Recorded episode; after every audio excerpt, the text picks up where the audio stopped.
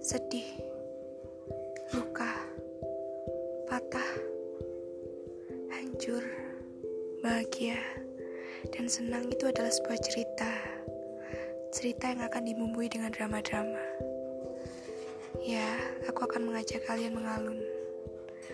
Mengalun dalam sebuah drama yang akan menciptakan rasa-rasa itu. Dan semoga kalian menyukainya.